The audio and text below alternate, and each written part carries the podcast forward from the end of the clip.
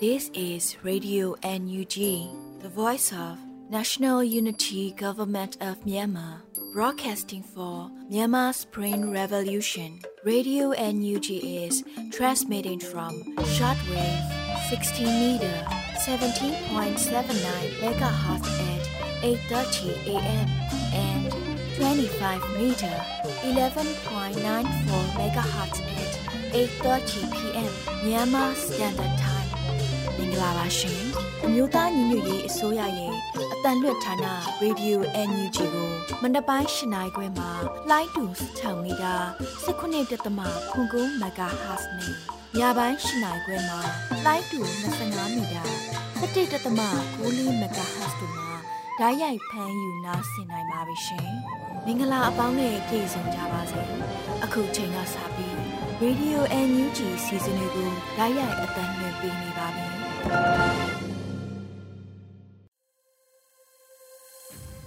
မင်္ဂလာနံနက်ခင်းပါရှင်ရေဒီယို NUG ကိုနားဆင်နေကြတဲ့မိဘပြည်သူများနဲ့မြန်မာနိုင်ငံသူနိုင်ငံသားအပေါင်းတဘာဝဘေးဆရာနာရှင်ပြည်တို့ကနေကင်းဝေးပြီးကိုစိတ်နှပါဘေးကင်းလုံခြုံကြပါစေလို့ရေဒီယို NUG အဖွဲ့သားများကဆုတောင်းမေတ္တာပို့သလိုက်ပါတယ်ဒီကနေ့ဇန်နဝါရီလ3ရက်နေ့ရေဒီယို NUG ရဲ့မနက်ခင်းအစီအစဉ်လေးကိုစတင်ထုတ်လွှင့်ပေးတော့မှာဖြစ်ပါတယ်ပထမအဆုံးအနေနဲ့နောက်ဆုံးရပြည်တွင်းသတင်းများကိုတော့ ຫນွေဦးမိုင်မှဖတ်ကြားတင်ပြပေးတော့မှာဖြစ်ပါတယ်ရှင်။မင်္ဂလာမနေ့ခင်ပါရှင်အခုချိန်ကစပြီး Radio UNG ရဲ့2024ခုနှစ်ဇန်နဝါရီလ3ရက်နေ့မနေ့ခင်ပြည်တွင်သတင်းများကိုဖတ်ကြားပေးပါရမယ်ကျွန်မကတော့နှုံမိုင်းဖြစ်ပါရရှင် ပထမဆုံးသတင်းအနေနဲ့နှစ်သက်မှာစူးစီးညီညွတ်မှုအားကိုပုံမှုခိုင်မာအောင်တိဆောက်ပြီးအဆုံးသက်တိုက်ပွဲအတွက်စ조사ကြမည်ဟုပြည်ထောင်စုဝန်ကြီးချုပ်ပြောကြားတဲ့သတင်းကိုတင်ပြပေးသွားပါမယ်။နှစ်သစ်ကစပြီးစုစည်းညီညွတ်မှုအားကိုပုံမှုခိုင်မာအောင်တိဆောက်ကအဆုံးသက်တိုက်ပွဲအတွက်စ조사ကြမှာဖြစ်တယ်လို့ပြည်ထောင်စုဝန်ကြီးချုပ်မန်းဝင်းခိုင်တန်းကပြောကြားလိုက်ပါတယ်။ပြည်တော်စုဝင်ကြီးချုပ်မန်းဝင်းခိုင်တန်းက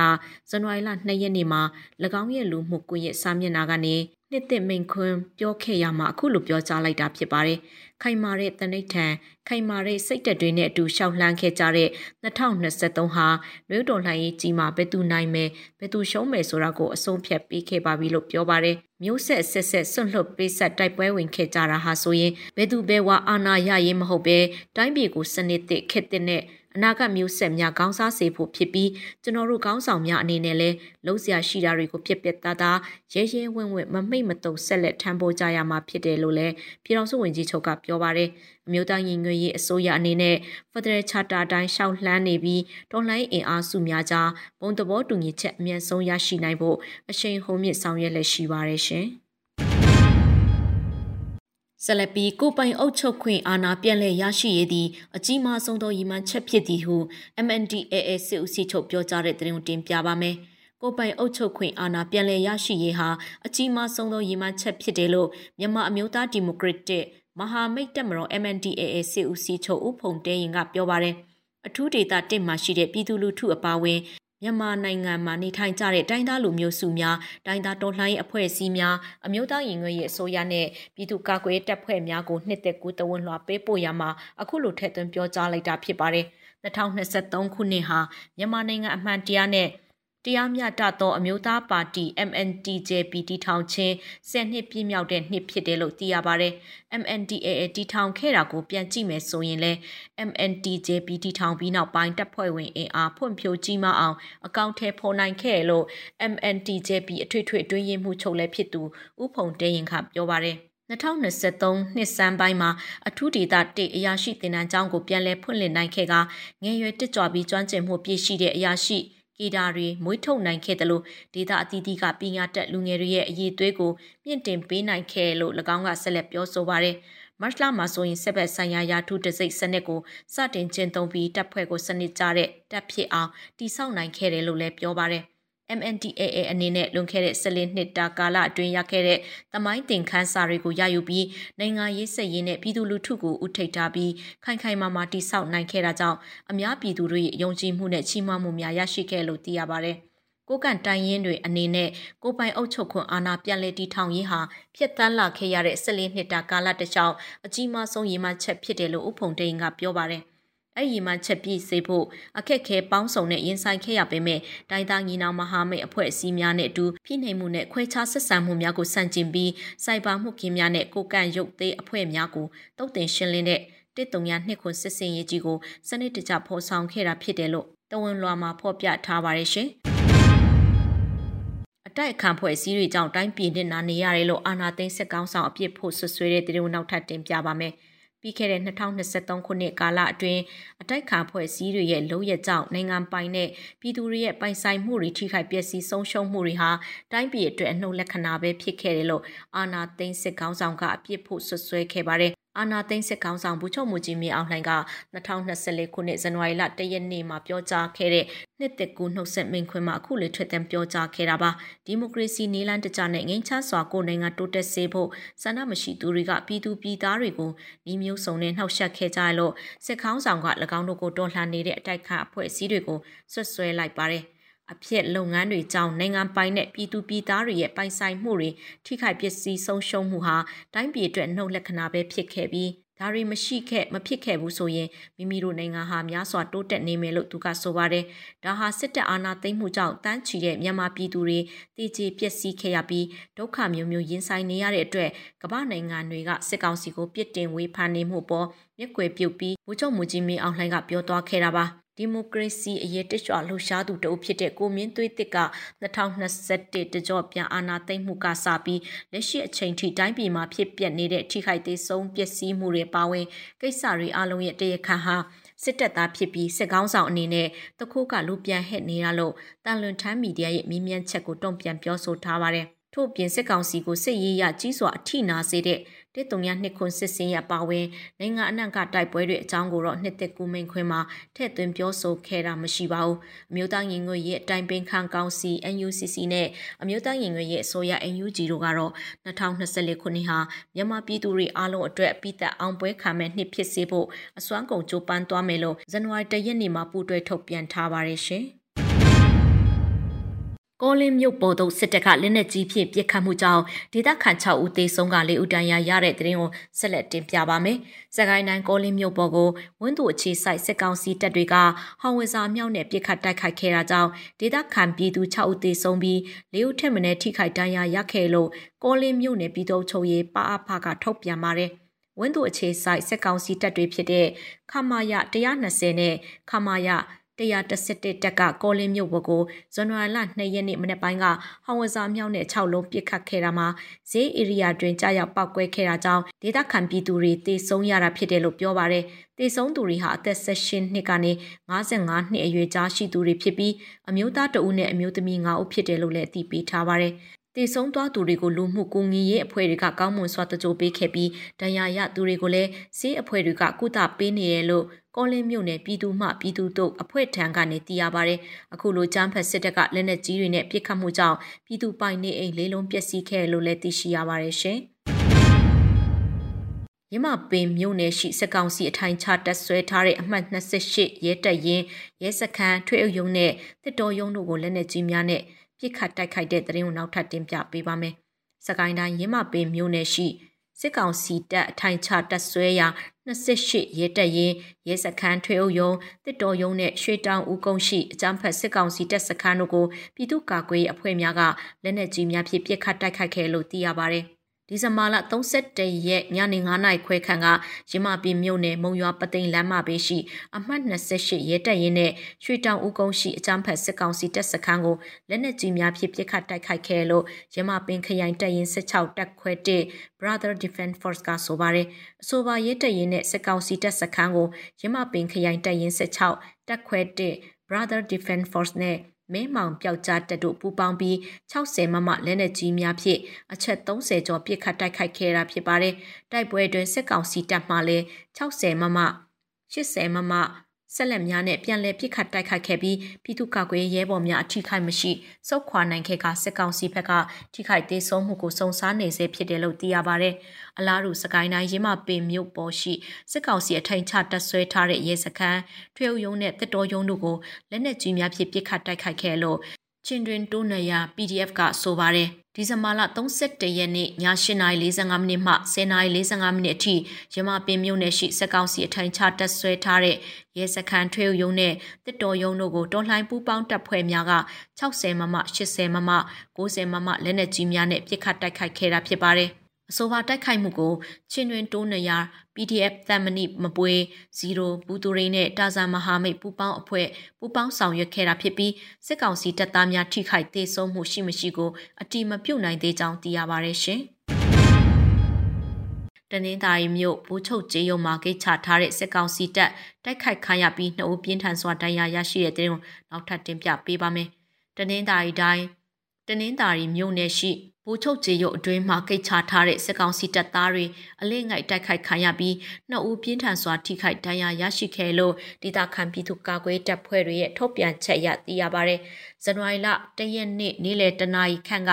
ဘူချုပ်ကျေရုပ်အတွင်းကိတ်ချထားတဲ့ဆာရဖာနဲ့စစ်ကောင်စီတပ်သားတွေကိုဒေသခံပြည်သူကာကွယ်ရေးအဖွဲ့တွေကအလင်းငိုက်ပျောက်ကြားဝင်ရောက်ပစ်ခတ်တိုက်ခိုက်ခဲ့လို့ဆိုပါတယ်။ထိုးတုပ်တိုက်ခိုက်မှုကြောင့်ဘူချုပ်ကျေးရုပ်ဂိတ်မှာရှိနေတဲ့စစ်ကောင်စီတပ်သား2ဦး ဒဏ်ရာပြင်းထန်စွာရရှိခဲ့ပြီးပြည်သူ့ကာကွယ်ရဲဘော်တွေအနေနဲ့ထိခိုက်မှုမရှိဘဲဆုတ်ခွာနိုင်ခဲ့လို့သိရပါတယ်။အဆိုပါတိုက်ခိုက်မှုကိုတောင်ပန်နီပြည်သူ့ကာကွယ်ရေးအဖွဲ့နဲ့တနင်္သာရီပကဖာတို့မှပူးပေါင်းဆောင်ရွက်ခဲ့တာဖြစ်တယ်လို့သိရပါတယ်။တိုက်ခိုက်ခံရတဲ့စစ်ကောင်စီစစ်ဆေးရေးဂိတ်ဟာအရက်သားပြည်သူတွေကိုဖမ်းဆီးစစ်ဆေးတာတွေနဲ့ငွေကြေးတောင်းခံမှုတွေကိုလှုပ်ဆောင်နေရလို့တနင်္သာရီပကဖာကဆိုပါတယ်။ ပြီးခဲ့တဲ့ဒီဇင်ဘာနောက်ဆုံးအပတ်ကလည်းတနင်္သာရီမြို့နယ်ကကြေးရွာတွေမှာစစ်ကြောင်းထိုးလာတဲ့စစ်ကောင်စီတပ်တိုက်ခိုက်ခံခဲ့ရပြီးစစ်ကောင်စီတပ်သား19ဦးသေဆုံးခဲ့တယ်လို့ဒေသတော်လှန်ရေးအင်အားစုတွေကထုတ်ပြန်ထားပါတယ်ရှင်။မုံရွာချောင်းဦးလမ်းပိုင်းတွင်စစ်ရင်တန်းကိုမိုင်းဆွဲတိုက်ခိုက်မှုကား၃စီးပျက်စီးတဲ့တရင်ကိုတင်ပြပါမယ်။ စကိုင်းတိုင်းမုံရွာမြို့နယ်မုံရွာချောင်းဦးလမ်းပိုင်းမှာစစ်ရင်တန်းကိုမိုင်းဆွဲတိုက်ခိုက်ခဲ့ရာကားသုံးစီးပျက်စီးသွားတယ်လို့မုံရွာခရိုင်တပ်ရင်းစစ်တဲ့ People Defense Force စောက်မုံရွာကထုတ်ပြန်ပါတယ်။မုံရွာဘက်ကနေချောင်းဦးဘက်ထွက်လာတဲ့ဂျမာပါ တံပြားကာကားတစီအပါဝင်စစ်ကား၃စီးကိုဇန်နဝါရီလ၁ရက်နေ့မနက်9:00မိနစ်40ခန့်ချိန်မှာမိုင်းအကြီးနှလုံးနဲ့ဖောက်ကွဲတိုက်ခိုက်ခဲ့တာလို့သိရပါတယ်။မိုင်းဆွဲတိုက်ခိုက်ခါရမှုကြောင့်ကား၃စီးလုံးပျက်စီးသွားတာကြောင့်ထိခိုက်သေးဆုံးမှုတွေရှိနိုင်ပေမဲ့စုံစမ်းနေစေဖြစ်တယ်လို့ပြောပါတယ်။မိုင်းဆွဲခံရတဲ့စစ်ကောင်စီရင်နှမ်းမှစစ်ကောင်စီတပ်ဖွဲ့ဝင်တွေကလက်နက်ငယ်တွေနဲ့ပြန်လည်ပစ်ခတ်တာရှိခဲ့ပေမဲ့မုံရွာခရိုင်တပ်ရင်းစစ်တဲ့ပြည်သူ့ကာကွယ်ရဲဘော်တွေအထိခိုက်မရှိခဲ့ဘူးလို့သိရပါတယ်။ စစ်ကားတန်းကိုထန်းလုံးမိုင်းနဲ့ဖောက်ကွဲတိုက်ခိုက်နေစဉ်မှာစစ်ရင်တပ်အနီးမှာရှိနေတဲ့မှန်လုံကားတစ်စီးထိမှန်ခဲ့တာကြောင့်မှန်လုံကားပေါ်မှာလိုက်ပါလာတဲ့ပြည်သူများကိုအနှုံမြင့်တောင်းပန်ထားပါတယ်။ထို့ကြောင့်ပြည်သူလူထုအနေနဲ့စစ်ကားတွေဖျက်တမ်းသွားလာနေချိန်မှာ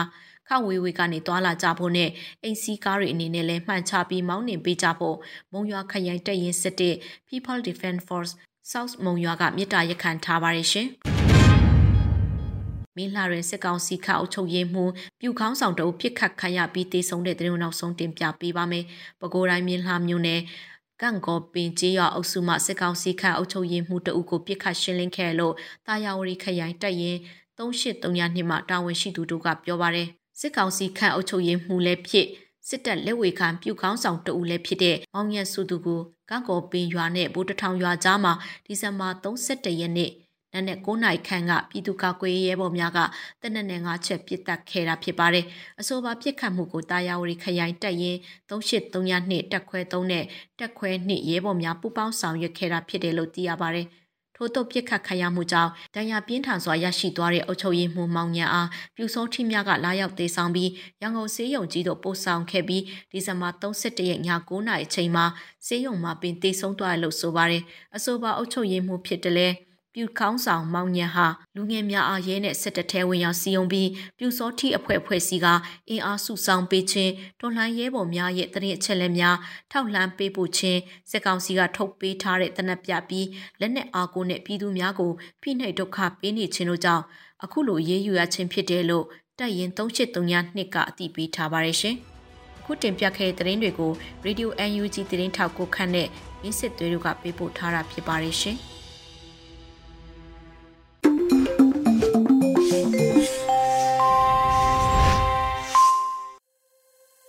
ရေဒီယိုအန်ဂျီဂျီမှဆက်လက်အသံလွှင့်ပေးနေပါတယ်။အခုတစ်ခါမှာတော့အင်ဒီဂျီနိုင်ငံဖြစ်တဲ့တရုတ်နဲ့ဆက်ဆံရေးဆိုင်ရာအပေါ်အန်ဂျီဂျီအစိုးရရဲ့သဘောထားထုတ်ပြန်ချက်ကို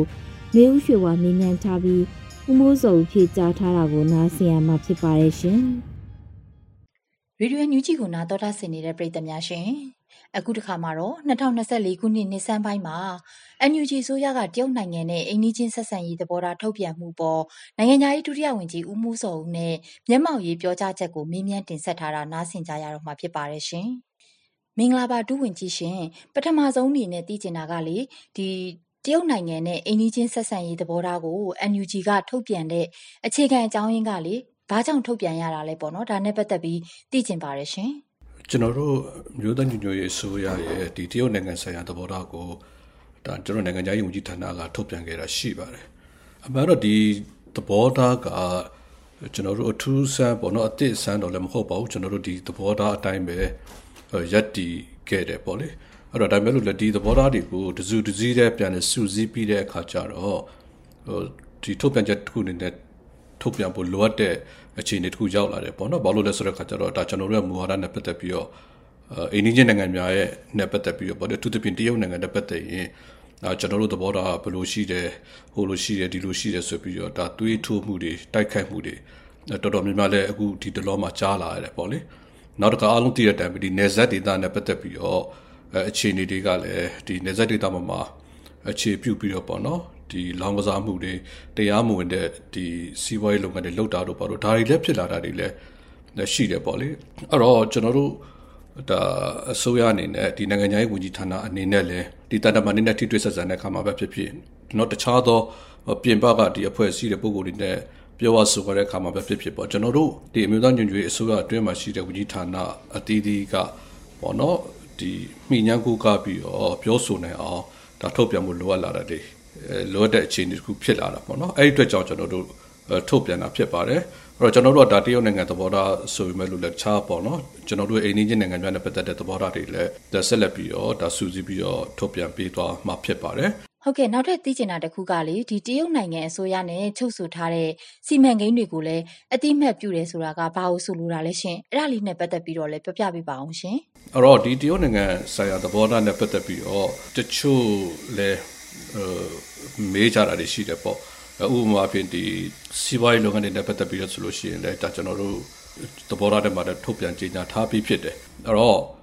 ဒီ2021ခုနှစ်ဆက်အာဏာသိမ်းဖို့ကြိုးစားတာမတိုင်ခင်ပေါ့နော်အဲ့ဒီမတိုင်ခင်မှာရှိတယ်ဒီစာချုပ်စာတမ်းတွေဒါတွေအားလုံးကိုကျွန်တော်တို့ကနေပြီးတော့မှအတိမတ်ပြုဆက်ခံတယ်လို့ပြောထားတယ်ဖြစ်တဲ့ကြောင့်ဒီဒီနောက်ပိုင်းဒီချုပ်ဆိုတဲ့ကိစ္စတွေနဲ့ပတ်သက်တယ်ဆိုလို့ရှိရင်တော့ကျွန်တော်တို့ကဒါအတိမတ်ပြုမှာမဟုတ်ဘူးဆိုပြီးတော့တနည်းအားဖြင့်လည်း အဲရပြီးတော့ပြောလို့ရပါတယ်ဟုတ်ကဲ့ဒူးဝင်ကြီးရှင်နောက်ထပ်လေတခုကဒီနေဆက်ဒေတာတွေမှာလုံခြုံရေးကိစ္စတွေဆိုတာကလေဘာလို့ဆိုလိုတာလဲရှင်ဒါကရောဒီအကြောင်းအရာနဲ့ပတ်သက်ပြီးတော့ဒူးဝင်ကြီးကဆက်ပြီးတော့ရှင်းပြပေးပါအောင်ရှင်နေဆက်ဒေတာမှာရှိတဲ့လုံခြုံရေးတည်ငြိမ်ကိုထိခိုက်စေတဲ့ဒီ online လေလံမှုကိစ္စတွေလောင်းကစားတွေဒီလူကိုကိုမှုလုပ်ငန်းတွေမူရေးစေဘလုပ်ငန်းတွေပေါ့လေဒါတွေအားလုံးကိုဆိုလို့ရှိရင်ကျွန်တော်တို့ကဒါနိုင်ငံပူးပေါင်းပြီးတော့ ဖြည့်ရှင်းဖို့တိုက်ဖြတ်ဖို့လဲသဘောဆန္ဒရှိတယ်ဆိုတော့လည်းကျွန်တော်တို့ပြောထားတာတွေလည်းရှိပါတယ်ဟုတ်ကဲ့ပါဒီနောက်ဆုံးသိချင်တာလေးတစ်ခုကလေဒီအခုထုတ်ပြန်လိုက်တဲ့ပေါ့နော် NUG ဆိုရထုတ်ပြန်လိုက်တဲ့ထုတ်ပြန်ချက်ပေါ်မှာဒီတရုတ်တနိုင်ငံတည်းဆိုတဲ့မူဝါဒကိုလည်းပေါ့နော်ထလောင်းတီးပြထားတာလားဒါမှမဟုတ်လို့ရှိရင်အစတွေကပေါ့နော်ဒီသဘောထားပဲရှိတာလားဒါကိုလည်းအဲဒုဝင်ကြီးအနေနဲ့ဆက်ပြီးတော့ပြောပြပေးပါအောင်ရှင်ဒီတရုတ်တနိုင်ငံရဲ့မူဝါဒဆိုတာလည်းဒါအထူးဆန်းမဟုတ်ဘူးကျွန်တော်တို့ ဒါအရင်အစိုးရတွေကလည်းဒါကျင့်သုံးခဲ့တဲ့မူဝါဒဖြစ်တယ်ဒါကျွန်တော်တို့ဒေသထဲမှာပဲဖြစ်ဖြစ်ပေါ့နော်ဒီနိုင်ငံတကာမှာပဲဖြစ်ဖြစ်ဒါတရုတ်တနိုင်ငံတည်းမူဝါဒဆိုတာကဒါအားလုံးလက်ခံပြီးတော့ကျင့်သုံးတဲ့မူဝါဒဖြစ်တဲ့ကြောင့်ဒီမူဝါဒကိုကျွန်တော်တို့ဆက်လက်ပြီးတော့ထောက်ခံကျင့်သုံးတယ်ဆိုတာကိုဖော်ပြတာဖြစ်ပါတယ်ဒါတရုတ်နိုင်ငံနဲ့ပတ်သက်လို့သဘောထားထုတ်ပြန်နေဆိုလို့ရှိရင်ဒါတရုတ်နိုင်ငံတည်းမူဝါဒနဲ့ပတ်သက်လို့ကလည်းဒါမထုတ်ပြန်လို့မရပါဘူးအဲ့အတွက်ကြောင့်လည်းကျွန်တော်တို့ဒါ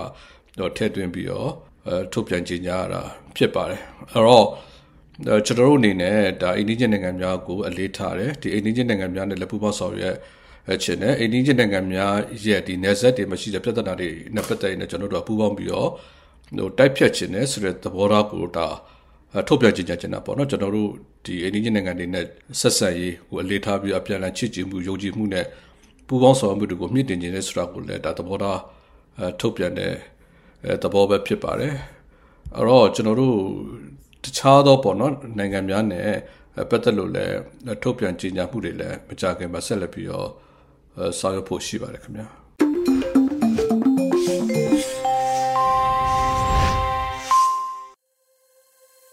ရေဒီယိုညကြီးမှဆက်လက်တင်ပြနေပါတယ်အခုတစ်ခါမှာတော့ PPTV ရဲ့နေ့စဉ်သတင်းများကိုနေကြီးမှဖတ်ကြားတင်ပြပေးတော့မှာဖြစ်ပါတယ်ရှင်။ ခုချိန်ကစပြီး PPTV သတင်းတွေကိုတင်ဆက်ပေးတော့မှာပါ ကျမနေကြီးပါရှင် ပထမဆုံးတင်ဆက်ပေးမယ့်သတင်းကတော့ပြည်ထောင်နဲ့လွှင့်မှုကြီးကြပ်ရေးဝန်ကြီးဌာနနဲ့မြို့နယ်ပြည်သူ့အုပ်ချုပ်ရေးအဖွဲ့များတွေ့ဆုံဆွေးနွေးခဲ့တဲ့သတင်းကိုတင်ဆက်ပေးပါမယ်။မြို့သားညီညွတ်ရေးဆိုရပြည်ထောင်နဲ့လွှင့်မှုကြီးကြပ်ရေးဝန်ကြီးဌာနနဲ့စကိုင်းတိုင်းမကွေးတိုင်းမန္တလေးတိုင်းတို့မှာရှိတဲ့မြို့နယ်ပြည်သူ့အုပ်ချုပ်ရေးအဖွဲ့များတွေ့ဆုံဆွေးနွေးမှုအစည်းအဝေးတင်ပြဆောင်2024ကိုဇန်နဝါရီလ1ရက်နေ့မနက်10:00နာရီမှာပြုလုပ်ခဲ့ကြပါတယ်။အစည်းအဝေးမှာ ပြည်ထောင်နဲ့လူမှုကြီးကြပ်ရေးဝန်ကြီးဌာနပြည်အောင်စုဝန်ကြီးဦးလွန်ကိုလက်ကအကြံဖက်စစ်ကောင်စီပြုတ်ကျရေးအတွက်ကဏ္ဍပေါင်းစုံအသီးသီးမှာဆောင်ရွက်လျက်ရှိပါကြောင်းအကြံဖက်စစ်ကောင်စီကအာဏာသိမ်းမှု၃နှစ်တာကာလအတွင်းအောင်မြင်မှုမရရှိသည့်အပြင်တော်လိုင်းအင်အားစုများရဲ့မဟာဗျူဟာပိုင်းဆိုင်ရာစူးစီးဆောင်ရွက်မှုများကတောက်လျှောက်တိုးတက်မှုရှိပါကြောင်းမြို့နယ်ပြည်သူ့အုပ်ချုပ်ရေးအဖွဲ့အစည်းအချင်းချင်းပေါင်းဆက်ဆောင်ရွက်နိုင်ရေးကအရေးကြီးပါကြောင်းလုပ်ငန်းဆောင်ရွက်ချက်မှာအားနည်းချက်အားသာချက်များရှိပြီးပေါင်းဆက်ခါယခုထက်ပိုမိုပြီးဆောင်ရွက်ရမှာဖြစ်ကြောင်းတတိတရေရှိစွာဖြင့်ညှိနှိုင်းဆွေးနွေးပြီးအဖြေရှာခြင်းကနိုင်ငံရေးရည်ကျင်းမှုတစ်ခုဖြစ်တဲ့အကြောင်းပြောကြားခဲ့ပါတယ်။အစည်းအဝေးကိုပြည်အောင်စုဝန်ကြီးဦးလွန်ကိုလက်မဦးဆောင်ကဒုတိယပြည်အောင်စုဝန်ကြီးတွဲဖက်အမြဲတမ်းတွင်ဝင်ပြည်သူ့အုပ်ချုပ်ရေးဦးစီးဌာနပြည်သူ့ရဲတပ်ဖွဲ့မိသက်ဦးစီးဌာနလူမှုကြီးကြပ်ရေးဦးစီးဌာနအထူးစုံစမ်းထောက်လှမ်းရေးဦးစီးဌာနတို့မှတာဝန်ရှိသူများ စကိုင်းတိုင်းမကွေးတိုင်းမန္တလေးတိုင်းတို့မှာရှိတဲ့မြို့နယ်ပြည်သူ့အုပ်ချုပ်ရေးဖွဲ့ဝင်များတက်ရောက်ခဲ့ကြတယ်လို့ပြည်ထောင်နဲ့လူမှုကြီးကြပ်ရေးဝန်ကြီးဌာနကသတင်းထုတ်ပြန်ထားပါတယ်။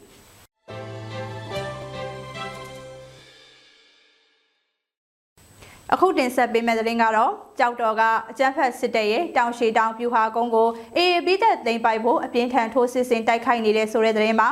ရခိုင်ပြည်နယ်ကြောက်တော်မြို့နယ်တင်းမကျေးရွာအနီးကအကြမ်းဖက်စစ်တပ်ရဲ့တောင်ရှိတောင်ပြူဟာကုန်းကိုအပိသက်တိုက်ခိုက်သိမ်းပိုက်နိုင်ရေးအေကပြင်းထန်ထိုးစစ်ဆင်တိုက်ခိုက်နေတယ်လို့မြောက်ပိုင်းညီနောင်သုံးဘွဲကဒီကနေ့မှထုတ်ပြန်လိုက်ပါတယ်။ Operation 1027တစ်တုံညာနှစ်ခွန်စစ်စင်ရေး68ရက်မြောက်နေ့ဖြစ်တဲ့တိုက်ပွဲသတင်းထုတ်ပြန်ချက်မှာအဲ့ဒီလိုအသိပေးထုတ်ပြန်ထားတာပါ။ ပြည်လူလူတို့အားနှစ်ရှည်လာမြအနှောက်ယှက်ပေးနေတဲ့အကြမ်းဖက်စစ်ကောင်စီရဲ့တောင်ရှိတောင်ပြူဟာကုန်းဟာဇန်နဝါရီလ၁ရက်နေ့မှာလည်းဆက်လက်တိုက်ခိုက်ခဲ့တယ်လို့ဖော်ပြလိုက်ပါတယ်။ရန်သူဘက်ကလည်းမနေ့ကမနက်9:00နာရီဝန်းကျင်မှာဂျက်တိုက်လေရင်နဲ့အဆိုပါကျေးရွာအနီးနားကျေးရွာတွေကိုဘုံငါးလုံးထပ်မနေလာရောက်ကျဲချတိုက်ခိုက်ခဲ့ပြီးလဟောင်းဖြူဟာကုန်းနဲ့ကြောက်တော်အခြေဆိုင်စကားခါကိုကလည်းလက်လက်ကြီးတွေနဲ့ဆက်မပြတ်ပြစ်တဲ့တိုက်ခိုက်ခဲ့တယ်လို့ဆိုပါတယ်။ တောင်ရှိတောင်ပြူဟာကုန်းဟာဇက်ခံပြည်သူတွေကိုအနိုင်ကျင့်ပိုကြနေတယ်လို့လူသားတိုင်းကအဖြစ်မတရားဖမ်းဆီးတပ်ဖြတ်မှုတွေပြုလုပ်နေတယ်လို့ဆီရစဝဲမှုအခြေဆိုင်ရေးရနေရာတစ်ခုလည်းဖြစ်တယ်လို့သိရပါတယ်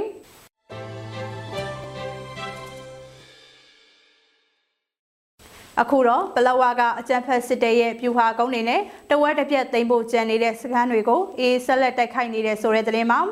ပလဝါကအကြမ်းဖက်စစ်တပ်ရဲ့ပြူဟာကုန်းတွေနဲ့တဝက်တစ်ပြက်သိမ်းဖို့ကြံနေတဲ့စခန်းတွေကိုအေးဆက်လက်တိုက်ခိုက်နေတယ်လို့မြောက်ပိုင်းညီနောင်မဟာမိတ်သုံးဘွဲ Operation 1027တစ်တုံညာနှစ်ခွန်စစ်စင်ရေး68ရက်မြောက်နေ့တိုက်ပွဲသတင်းမှာအဲ့ဒီလိုထုတ်ပြန်တည်ပေးထားပါတယ်။ အေးထိုးစစ်စင်တိုက်ခိုက်နေတဲ့အကြမ်းဖက်စစ်ကောင်စီရဲ့စကန်တွေထဲမှာပလဝါကချင်းလဝါစကန်မိဝဖြူဟာကုန်းနဲ့ပလဝါမျိုးရဲ့အရှိမြောက်ဖက်မီတာ1900အကွာဝေးမှာရှိတဲ့ point 313ကုန်းအပါအဝင် အခြားတဝက်တစ်ပြက်ကျန်ရှိနေတဲ့ရန်သူစကန်ကုန်းတွေကိုလည်းဆက်လက်တိုက်ခိုက်ထိုးစစ်စင်တိုက်ခိုက်နေတယ်လို့ဆိုပါတယ်ဒါအပြင်ရခိုင်ဒေသပလဝဒေသအတွင်းတိုက်ပွဲတွေမှာရခိုင်ရဲများနဲ့အတူဆက်လက်ရှိနေတယ်ဆိုပါတယ်။ ရခိုင်တတော်အေးလှုပ်ရှားရနေရတနေရာကတခုဖြစ်တဲ့စကိုင်းတိုင်းထီချိုင်မြို့နယ်အတွင်းမှာလည်းရက်ဆက်သို့မဟုတ်တရချတိုက်ပွဲတွေဆက်တိုက်ရှိနေတယ်လို့လည်းအသိပေးထားပါတယ်။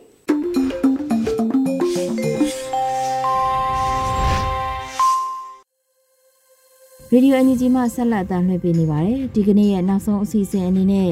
တော်လည်ရေးတေဂီတာမှာတော့ကိုစောကံပေါ်သားရေးသားထားပြီးကိုစောမိုင်းမျိုးဆက်ဝနနဲ့ငွေသိန်းတို့တီးဆိုထားတဲ့ ဖက်ဒရယ်ပြည်တော်စုတက်တော်ချီလာပြီလို့အမည်ရတဲ့တေးသချင်းကိုနားဆင်ရမှာဖြစ်ပါတယ်ရှင်။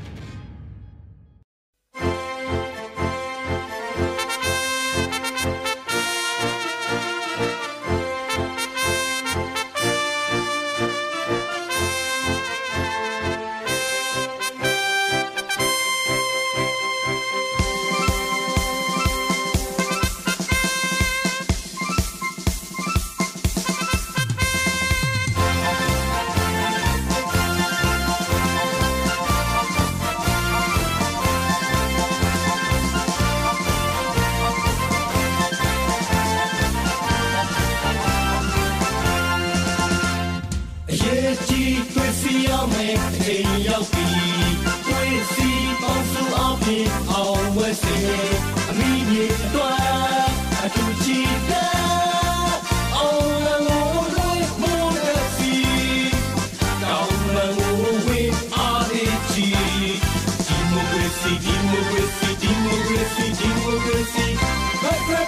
ာင်